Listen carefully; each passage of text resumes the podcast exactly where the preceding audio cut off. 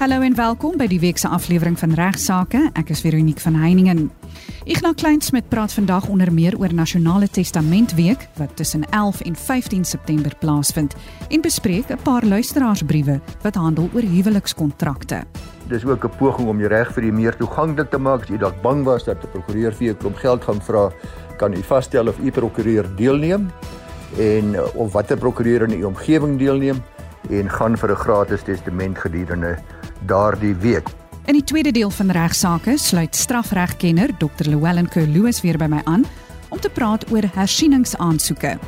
Mense wil altyd weet waarom sake, verslae van kommissies van ondersoek ensovoorts altyd op hersiening geneem word en verduidelik wat dit nou eintlik beteken.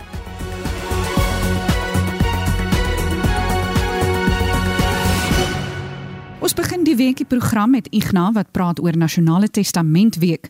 So indien jy nie 'n testament het nie, kan jy gerus nou luister om uit te vind hoe jy 'n gratis een kan kry. Goeiemôre aan al die luisteraars ook aan jou Veronique. Ja, die Prokureursorde van Suid-Afrika reik al uit na julle die luisteraars sedert 2008 met die Nasionale Testamenteweek. Dis wanneer jy 'n gratis testament kan laat opstel deur 'n deelnemende prokureur en hierdie jaar vind dit plaas van die 11de tot die 15de September 2023 11 tot 15 September 2023 dis 'n basiese testament wat u kan laat opstel en dis ook 'n poging om jou reg vir die meer toeganklik te maak. As jy dalk bang was dat 'n prokureur vir jou klomp geld gaan vra kan u vasstel of u prokureur deelneem en of watter prokureur in u omgewing deelneem en gaan vir 'n gratis testament gedurende daardie week. Ons het 'n hele paar briewe gekry na ek op 'n vorige program hierdie aankondiging gemaak het en daar's mense wat kla, hulle sê dat hulle prokureur sê hulle weet nie daarvan nie of hulle neem nie deel nie. Ongelukkig kan ons daarom niks doen nie. Dis vrywillig die deelname deur prokureurs. As u prokureur nie deelneem nie, dan is u natuurlik welkom om een in die dorp of in die stad te soek wat wel deelneem. Die meerderheid prokureurs neem wel deel. Dan is daar iemand wat sê dat daar prokureur sê neem deel, maar hy gaan net 'n afspraak maak op die basis dat hy as eksekuteur aangestel word in die Nuwe Testament. Nou ek wil net verduidelik dat die prokureursorde van Suid-Afrika sekere voorwaardes waaronder prokureursfirmas mag deelneem en een van daai voorwaardes is dat jy mag nie daarop aandring dat jy as eksekuteur van die boedel aangewys word nie. Dis iets wat jy kan bespreek met die kliënt tydens die gratis testamenteweek, maar as jy kliënt verkies om 'n kind of iemand anders aan te stel, dan is dit sy of haar keuse. So luisteraars, maak gerus al vroegtydige afspraak met 'n deelnemende prokureur vanaf 11 tot 15 September 2023. Dan uh, het ek 'n skrywe ontvang van uh Jameen Compion. Sy sê sy luister baie graag, dit is interessant en sy mis dit nie ensovoorts nie. Dan sê sy sy het gehoor van 'n groot hofsaak en 'n egskeiding waar die vrou verduidelik het hulle nooit vir haar verduidelik het oor haar huwelikskontrak nie. Dis hier dat daar mense nou getroud is buite gemeenskap van goedere, dis op huweliksvoorwaarde. Dan vra sy kan ek asseblief bietjie meer daaroor sê wanneer is die wet verander en hoe is dit verander? Sy dink dit was in die 90er jare. Die nuwe wet het in werking getree op die 1 November 1984. In haar geval het sy 'n afskrif aangeheg van haar huweliksregistrasie en ek sien sy is getroud op die 17 Augustus 85. Dis na die inwerkingtreding van die wet op 1 November 1984 en hierdie datum is werklik 'n waterskeiding vir huwelike wat daarna aangegaan is buite gemeenskap van goed want as jy so getroud is sonder die aanwasbedeling dan is die slegte nuus daar's bitter min beskerming wat die wet aan die man of die vrou verleen. Elke party is dan met hulle finansiële sake betref eintlikbaar in dieselfde posisie as wat hulle elkeen teenoor 'n vreemdeling sou wees. Eenvoudig gestel wat aan my behoort behoort aan my wat aan jou behoort behoort aan jou. In 'n geval van 'n egskeiding sal elkeen behou wat ons het. Daar is nou deesdae aanduidings dat die die howe volg 'n uh, benadering wat ook 'n billikheidsbenadering is waar daar wel gesê word dat daar kon nog steeds toekennings gemaak word en wat klem plaas dan op 'n billike en regverdige verdeling. En dan is daar natuurlik ook die eh, wet op onderhoud van die langslewende gade in terme waarvan vrou wat wel getroud is buite gemeenskap van goedere en wat onderhoudsgeregtig is wel 'n eis kan instel teen die man se boedel vir onderhoud Dit is as hulle getroud was op die stadium van die afsterwe van die persoon wat onderhoudspligtig is. Nou voor die bedeling, dis nou volgens die bedeling van 1 November 84 wat elke party sy eie boedel opbou en vir haar eie skuld verantwoordelik is en dan is daar natuurlik ook baie van daai huwelike wat aangegaan is sedert 1 November 84 waar die aanwasbedeling van toepassing is. Dit beteken dat albei die huwelike sonder eie bates gesluit het, word die ware van die bates wat tydens huwelik opgebou is, wat aangewas het en effek gelykop verdeel. Indien die partye by huweliksluiting wel die waardes van hulle onderskeie bates gespesifiseer het, sal partye dan net geregtig wees op 50% van alles waarby die ander party se aanwas tydens die huwelik oorskry het. Maar die meeste probleme luisteraars ontstaan by paartjies waarvan uh, baie van u nog deel is wat voor 1 November 1984 suiwer buitegemeenskap van goed getroud is. Dis voordat die aanwasbedeling moontlik was. Uit navraag blyk dit dat die party met geen bates in sy of haar naam regtig glo dat hulle in die geval van 'n egskeiding niks sal uitkry nie. Die een gade het immers alles in haar naam terwyl die ander een in sy naam of in haar naam terwyl die ander een niks besit nie. Nou in Suid-Afrikaanse huwelike is die man gewoonlik die persoon wat die huis in sy naam koop, die motor, ook die vrou se motor in sy naam, die strandhuis en so kan 'n mens voortgaan. Wanneer daar dan huismeles is of 'n derde party kom tussen beide van die vrou dit sê oor die baie jare van huwelik geen bates in haar eie naam opgebou het nie. Tog is daar baie goeie nuus want hierdie wet bepaal dat egskeidings voor 1 November 84 daar wel beskerming is vir so 'n uh, gade en indien die ander partye veel groter boedel opgebou het terwyl hy hom sy tog ook direk of indirek tot die opbou en instandhouding van daardie boedel bygedra het, het die hof 'n diskresie om in so 'n geval 'n billike gedeelte van die bates van een gade aan die ander oor te dra. Onthou, hierdie bydraes is nie net werklike finansiële bydraes nie, Dit gaan ook oor die huisvrou wat baie jare lank 'n goeie vrou vir haar man was, die tuiste skepper was wat die huis skoon gehou het, en die ewige vir die man moontlik gemaak het om sy beroep of ambag te beoefen en sy bates te vergader. Dis nie net direkte geldelike bydraes nie, maar uh, die indirekte bydraes word ook gesien as 'n aansienlike bydrae wat die vrou byvoorbeeld gelewer het tot die opbou van haar man se boedel. En dan gebeur dit dikwels in Suid-Afrikaanse howe dat die hof na 'n redelike lang huwelik ongeveer 'n derde van die hele boedel aan die ander party toeken In 'n paar gevalle was dit self selfs die helfte van die ander een se boedel. So as jy dus besluit om 'n huwelik te tree, luisteraars, is die punt wat ek maar wil maak weer en ek dink het nou dit gehoor na aanleiding van Jemin Kompiens se skrywe dat dit baie belangrik is om eers 'n prokureur te gaan spreek om seker te maak dat albei partye se belange behoorlik beskerm word en so kan julle ook met sekerheid vasstel watter huweliksbedeling vir julle die beste sal werk. Ignas het heelwat navrae in verband met huwelikskontrakte ontvang en bespreek nou van die navrae in die verband. Ja, luisteraars, Rindik het skrywe ontvang van 'n dame kan my hand nou daar op lê nie, so kan ongelukkig nou nie sê wie dit is nie, maar sy sê dat sy is getroud buite gemeenskap van goedere, sy sonder die aanwasbedeling getroud en sy beklaar lot omdat sy sê sy is destyds glad nie ingelig deur die prokureur wat hulle gesien het vir die huweliksvoorwaarde kontrak oor al haar regte nie en uh sy wil graag haar huweliksbedeling verander, haar huweliksgoedere bedeling. Nou die goeie nuus is dat dit redelik maklik om mense huweliksgoedere bedeling te verander van binne gemeenskap van goedere na buite gemeenskap van goedere of buite gemeenskap van goed met die aanwas of sonder die aanwas of van buite na binne toe. Uh maar dis maklik as albei partye saamstem. So as u gade saamstem dat dat dit wenslik is om die huweliksgoedere bedeling te verander, dan kan jy nou die hof nader. Daar's sekere vereistes waaraan voldoen moet word. 'n Baie belangrike vereiste is dat mense nie daardeur enige krediteure moet benadeel nie. Jou skuldeisers moet met ander woorde behoorlik kennis kry en hulle moet die reg hê om dit te opponeer omdat hulle kan sê ja, ek het nou jou bates verloor ek nou 'n sekuriteit vir my eis omdat jy nou gaan van binne na buite gemeenskap van goedere of wat ook nog al die geval mag wees. So skuldeisers kan 'n stokkie steek voor die verandering in die hof maar normaalweg is dit redelik maklik. In hierdie geval sê die dame dat sy het nie geweet nie, sy is nie ingelig nie. Natuurlik as daar 'n bedrieglike wanvoorstelling is, is daar 'n goeie kans dat sy sal slaag as sy die hof oortuig daarvan dat sy bedrieg is in hierdie proses en dat sy nie geweet het wat sy teken nie en wat sy doen nie.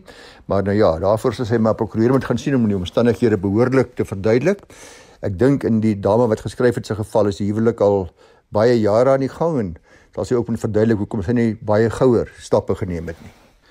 Dan is daar ook 'n ander moontlikheid. Dit is natuurlik 'n alternatiewe kontrak tot die huweliksvoorwaarde kontrak wat jy aansluit gedurende die huwelik met natuurlik met die samewerking van jou gade.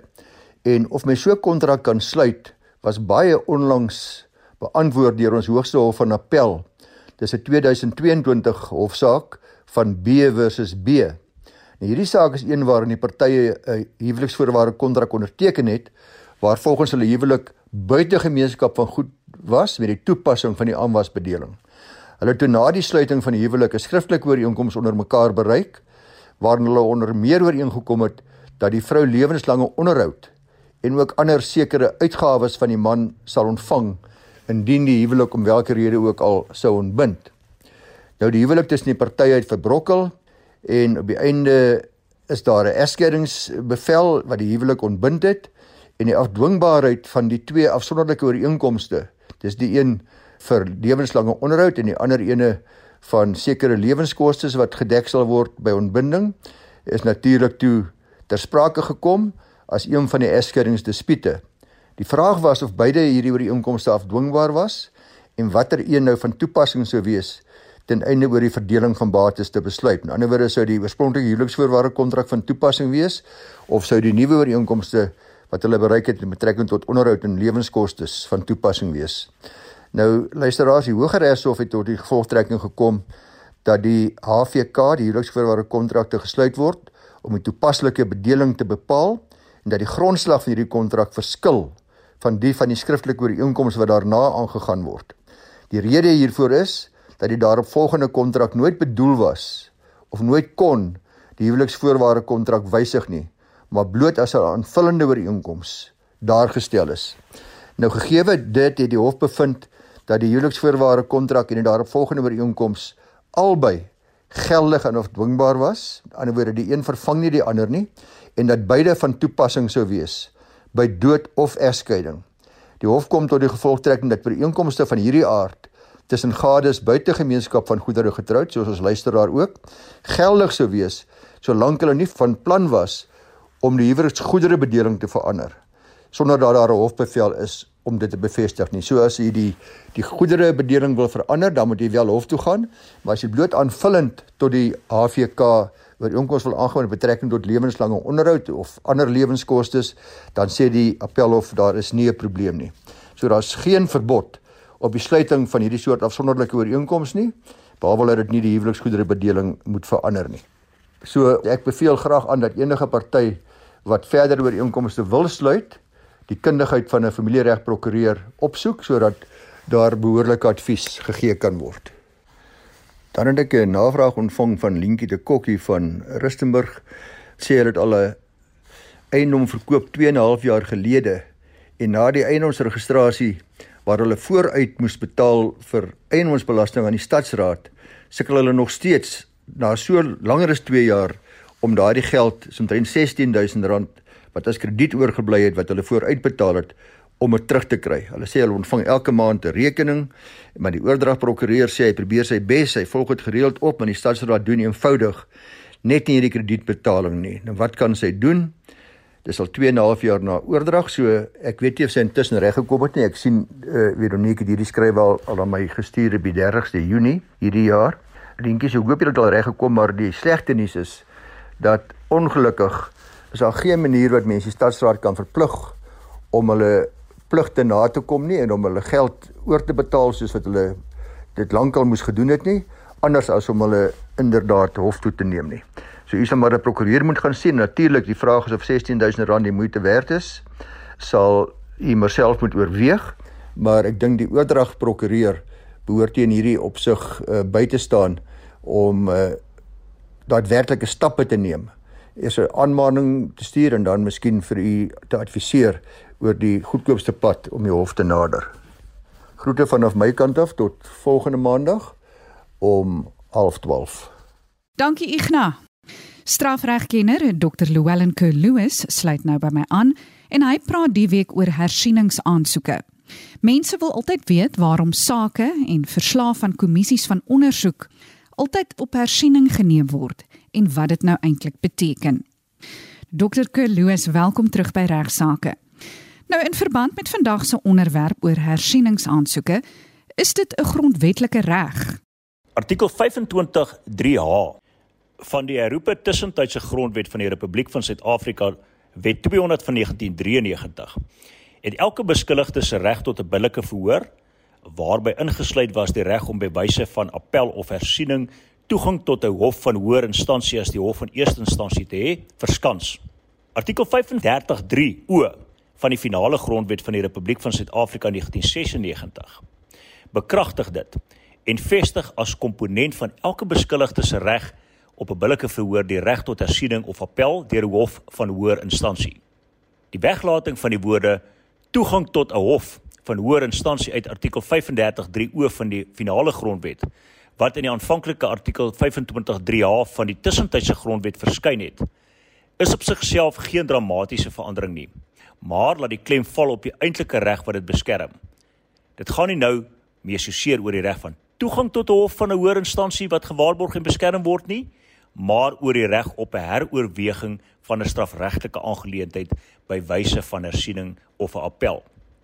In 'n saak Ntuli 1996 van die grondwetlike hof het die hof bevind dat dit ongrondwetlik is om te vereis dat 'n gevangene wat in 'n laer hof skuldig bevind is en nou sy straf uitdien, nie 'n eie persone hersiening of appel kan voortsit sonder verkryging van 'n regtersertifikaat waarin 'n regter sertifiseer dat daar redelike gronde vir hersiening bestaan nie.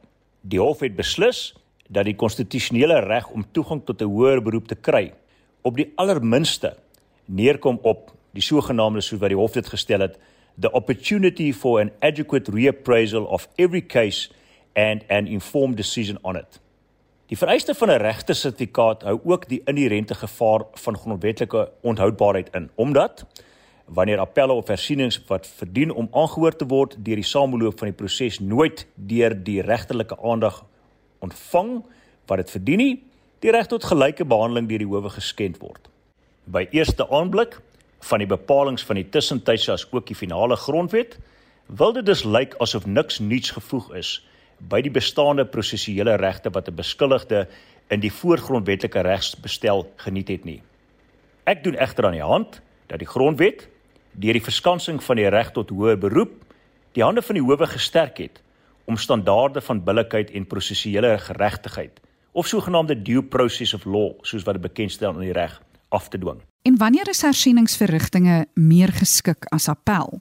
Wanneer 'n beskuldigde sy skuldig bevinding en of sy vonnis deur 'n laer hof, het sy dit nou 'n distrikshof of 'n streekhof opgelê, wil betwis, het sy op regsgronde of op grond van die feite, kan hy by die hoë hof appel teen sy skuldig bevinding en of vonnis aanteken.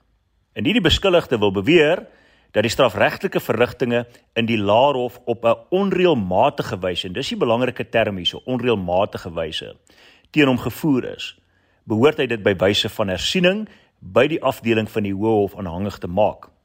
In 'n saak Mkwambazi wat in 1991 gelewer was, word uiteengesit wanneer 'n appel en wanneer 'n hersiening die aangewese prosedure sou wees.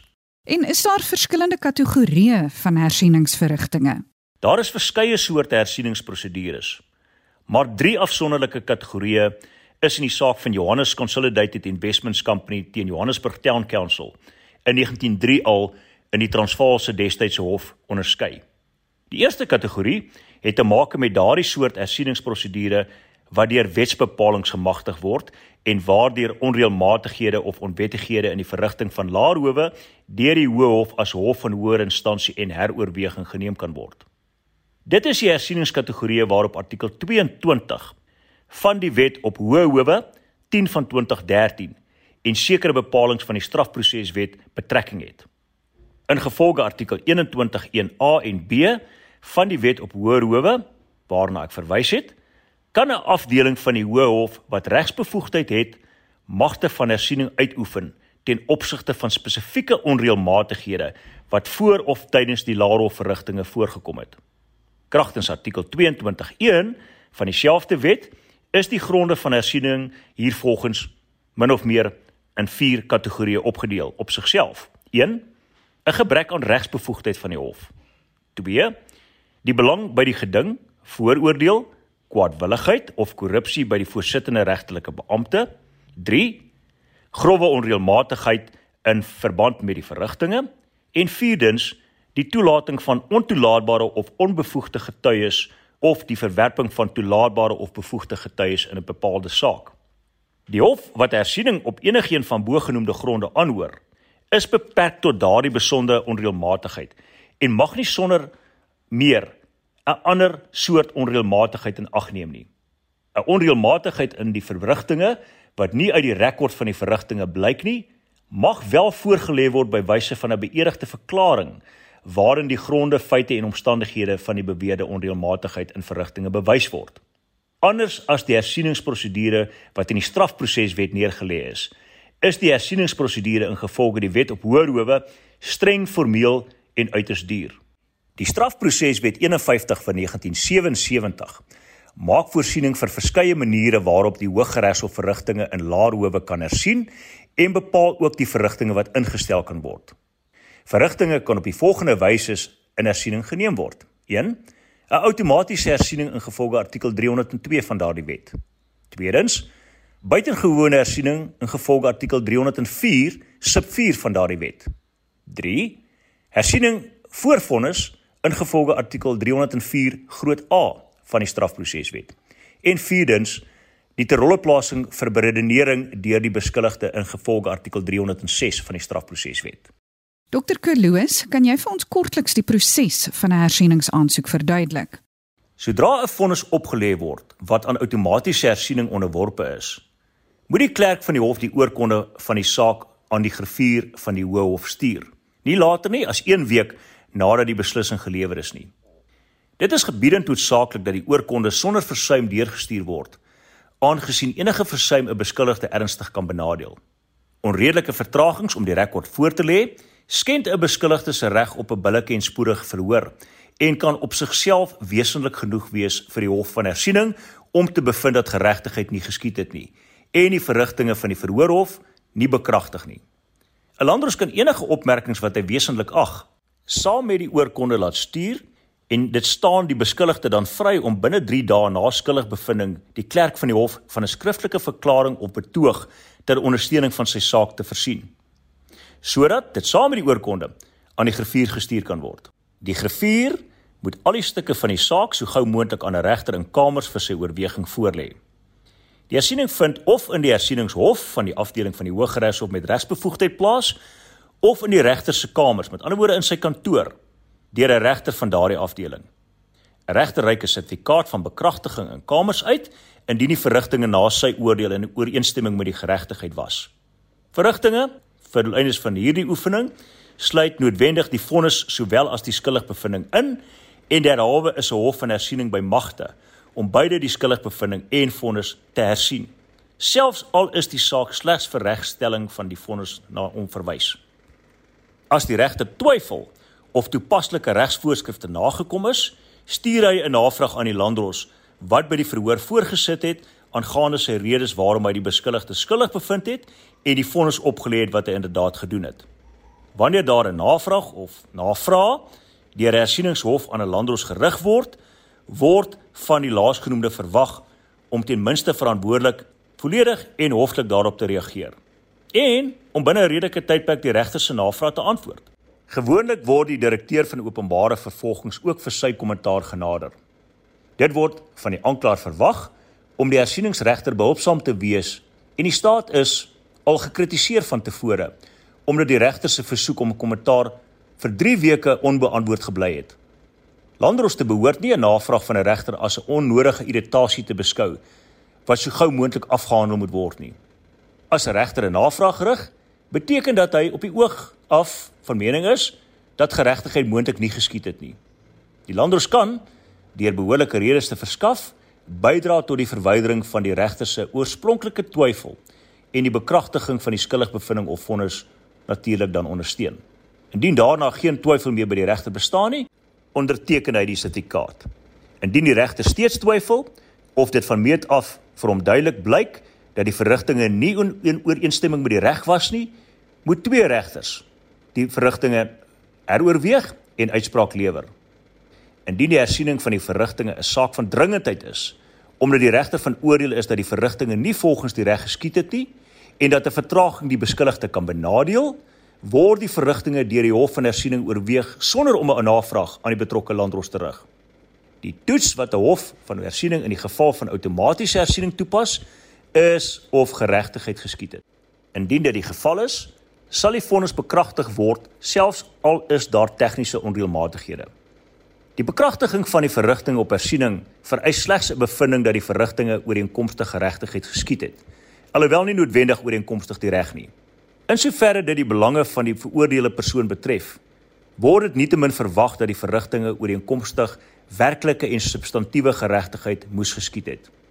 Indien die hersieningsregter egter begeerig is om enige feite of 'n regsvraag te laat beredeneer, dan mag hy selfs beveel dat dit deur die direkteur van openbare vervolgings en deur 'n advokaat of prokureur met verskyningsbevoegdheid wat deur die hof namens die beskuldigde aangestel is, beredeneer word voor hom. Die hersieningsregter se navraag, die landdros se antwoorde, asook enige ander kommunikasie moet in die saak se oorkonde dan vervat word. Baie dankie aan Ignas Kleinsmid en Dr. Llewellyn Kerloos vir hulle bydraes tot die week se program. Van my Veronique van Heiningen groete tot volgende week.